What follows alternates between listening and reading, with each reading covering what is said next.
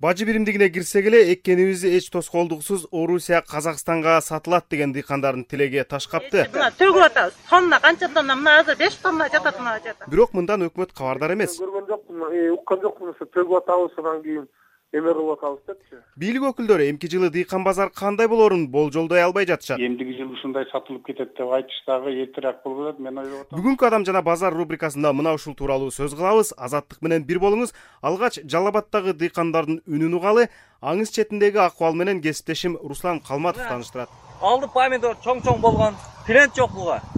Сатайын десең актап айтат рабочий акчасын актап айтат. Даркан талаанын бир бурчунда ноокендик дыйкандар даттанышууда. Бири солуп бараткан бадыраңын карап мұңайса башкасы үйүлүп өтпөй турган помидорунун жанында ыйламсырайт. Алардын арасында дыйканчылык үчүн кредит алгандар да бар. Көп эгип алганбыз да жер сатып алдым мен жер сатып алдым эле он беш миңге. Даже ошо жерди да эме кыла албадык да. Эптеп могу бала менен ысылдап күйөөм айтты эле э жүгөрү эле коеюн десе э кой быйыл таможняда жакшы пул болот деп эгип алып быйыл ушул болуп калды да эмнеге мындай болду билбейм. Ушу чоңдорубуз карап кичине бизге боор ачып койсо аябай жакшы болот эле да. Бир сомдон да албай атат да азырчы эч кандай расход жок алган киши жок. Сата албайбыз базарга барсак да сата албай келип атабыз. Карыз болупчу эчи мына төгүп атабыз. Тонна канча тонна? Мына азыр беш тонна жатат мына жерде а мага окшогон дыйкандын баардыгы эле. Бир эле мен эмес. Баардыгынын ушул эле эме көрүнүш да? Баардык эч мүмкүнчүлүк болбой атат эми бизге кандайдыр бир жеңилдиктер жардам бере алабы биздин чоңдор карачы ордунда турат помидор дейт помидорлор турат кыймылдабай эле. Дыйкандар болсо монтип оор болуп атыр. Кылган расходу чыкпай атыр да. Чыкпай атыр. Муну каяка башташыбыз керек. Эл оор акыбалда турат.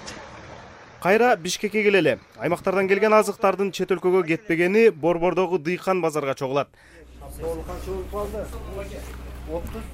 Чынында эле аралап көрсөк дыйкан базар жашылчага толо. Чирип жаткандарын көрбөсөк да ак төөнүн карды июлда эле жарылганын байкоого болот. Өткөн жыл кургак жыл болуп дыйкандар каатчылыкка учураган болчу. Быйыл суу мол анын үстүнө күн ысыгандан улам түшүм эрте да көп да алынды. Бирок ноокендик дыйкандар айткандай тажикстандык же өзбекстандык жашылчалар жок өзүбүздүкү эле дешти. Болгар калемпирин сатып жаткан дыйкан асылбек махмудов жалал абадтан экен.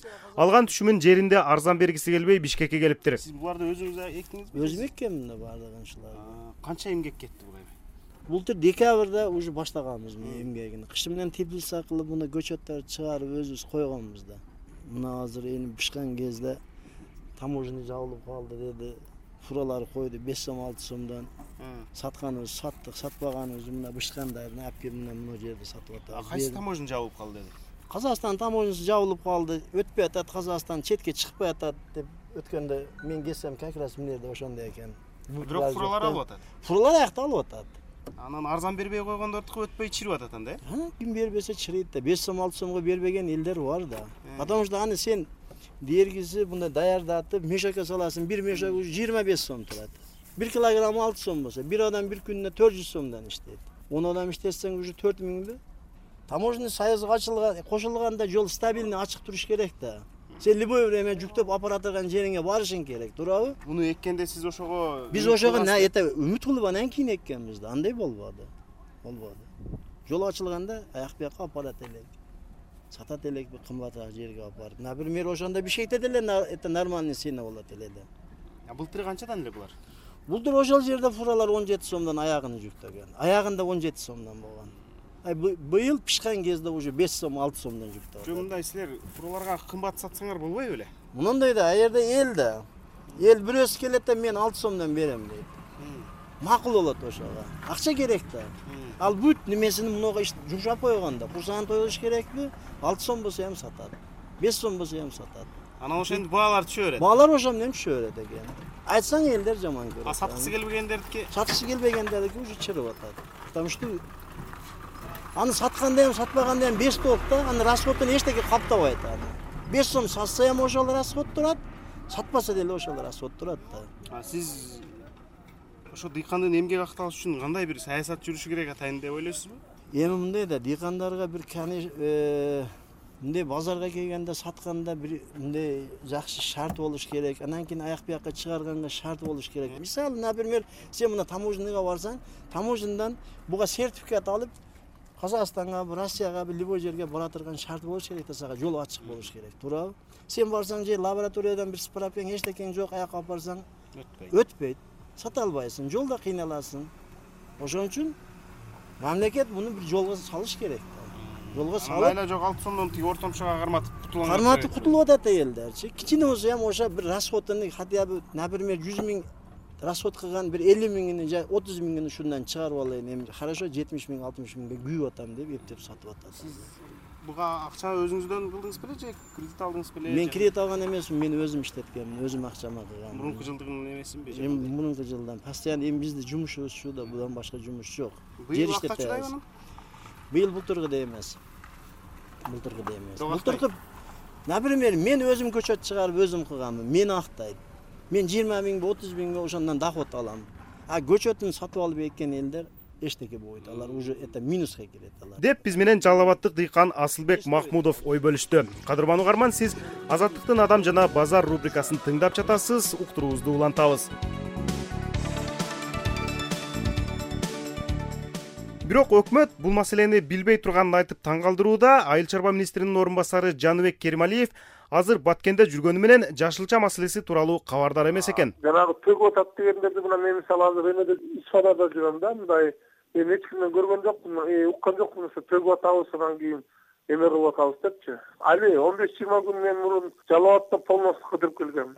Бирөөдөн уккан жокмун эме жерге төгүп салдык дегендечи сизге кааласаңыз видео фото сүрөттөрүн көрсөтөлү ошентсе делечи мен азыр ишканадан эки күндөн кийин келем келгиле анан кийин сүйлөшөлү бирок эми негизи бул эми факт да баары бирчи эмнеге ушундай болуп атат? Э, сиздер мындай бир түшүндүрүү жоктугу болдубу же кандай же түшүндүрүү иштерин жүргүзүп келатабыз биз эме жерде эмнени өткөзүш керектигин бүт баардыгын эле э, айтып келатабыз сырттан бизге канча жер жемиш жашылча жемиш кирет жылына? Конкреттүү цифра менен азыр мен жанымда жок да. Анда мындай кылалы анда биздин кыргызстандык дыйкандардын товарынын өтпөй калуусуна таасир эткен деңгээлде киреби? Азыр помидор э, жана огурчу дегенди чет мамлекеттен киргизбейбиз азыр. Кирбейт. Жазында жана өзбекстандан кирип мүмкүн болчу азыр болсо бүт өзүбүздүн дыйкандардын э, огурчу помидорлору бар. Ошентсе да дыйкандар өкмөттөн жардам суроодо айтыш керек эмне кылабыз дыйкандар? Коонубуз калып кетти бадириңибиз бир сом болуп калды. Эл ушу биздин жогорку кеңешке жеткизесиңерби же баягы биздин кыйындарга алиги э, өкмөткө жеткизесиңерби ушул нерсени эмне кылабыз? Ар бирибизде үч тонна төрт тоннадан помидор турат. Бишкекке алып барабыз дыйкан базар деген бар. Ал жерге барсаң помидор менен сасып атат. Ошол жерге бир жолу келип жогорку кеңештен киреби өкмөттөн киреби ак үйдөн киреби дыйкан базарга мындай кирип эмне болуп атат деп акыбалын сурап койсо болот. Бизге бир сомдон томат калса дагы ыраазыбыз. Ал эми достук айылдык аймагынын башчысы замир мамасадыков. Жогору жака ушул сөздөрдүн баары жетсе ушу тажикстандагы өтүп аткан помидор пияздарды баарын токтотсо жакшы болмок да эми азыр э, билбейм эми кыштан биздин дыйкандар кантип чыгат? Могу таможенный союзга кирдик кирдик эсеп болуп атат. Эми ушу чек араны ушу казакстан ачып калса деле ушу азыркы маалда э, немеден чыгып кетмекпиз да. Аймакта азыр жүз тоннадан ашык помидор бадыраң жана коондарыбыз зыянга учуроодо быйыл жалал абад облусунун аймагында беш миң гектардан ашык аянтка жашылча эгилген бул былтыркыга салыштырмалуу бир миң эки жүз гектарга көптүк кылат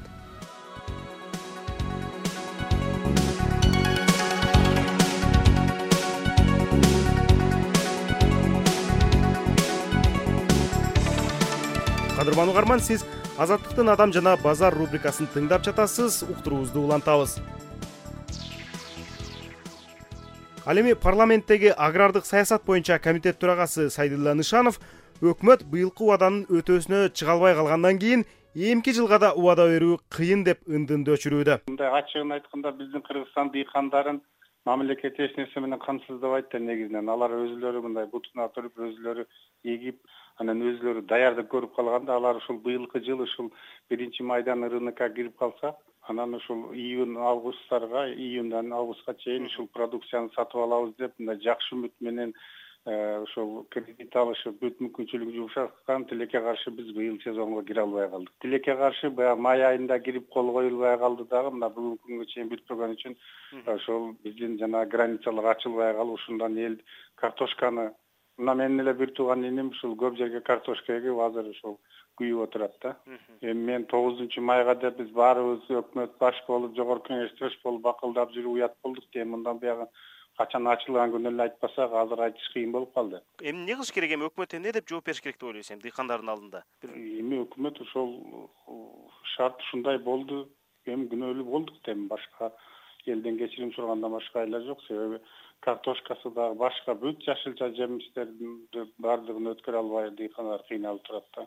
Эми анда эмки жылы мындай бир толук кандуу сата алабыз деп ишентип элге мындай бир ишенимдүү айта алабызбы сайдулла мырза эмдиги жылы ушундай сатылып кетет деп айтыш дагы эртерээк болуп атат. Мен ойлоп атам ушул мына шайлоо бүтөт го жогорку кеңештин шайлоосу ошонго баардыгы ак кара болуп так болуп калат да анан ошол жаңы өкмөт жаңы парламент муну биринчи январь күнү элге айтып чыгыш керек жар салып. Мына быйылкы мындай болот же мындай болбойт деп. Ошондо так болот да анан азыр айтканыбыз кичине эртерээк болот да. Деди жогорку кеңештин агрардык саясат боюнча комитетинин төрагасы сайдилла нышанов башында бажы биримдигине май айында киребиз дешкен болчу. Кийинчерээк үчүнчү июлга жылган. Кийин ал кайра он бешинчи июлга жылып азыр эми өкмөт башчы темир сариев жыйырма бешинчи июлда чек аралар ачылат деп ишендирүүдө. Анткени менен биримдикке толук кирген күндө деле дыйкан түшүмүн сатыш үчүн ага атайын сертификат сурашат. А көпчүлүк карапайым дыйкандарда сертификат жок.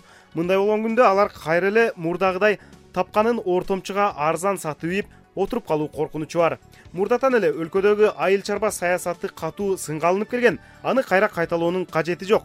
Ошентсе да быйыл дыйкандар дагы бир ирет оозун сүткө күйгүзүшү айыл чарба тармагындагы алабармандыкты кайра эске салууда. Кадырман угарман сиз адам жана базар рубрикасын уктуңуз. Аны мен али токтокунов даярдадым. Мага жалал абадтан кесиптешим руслан калматов жардам берди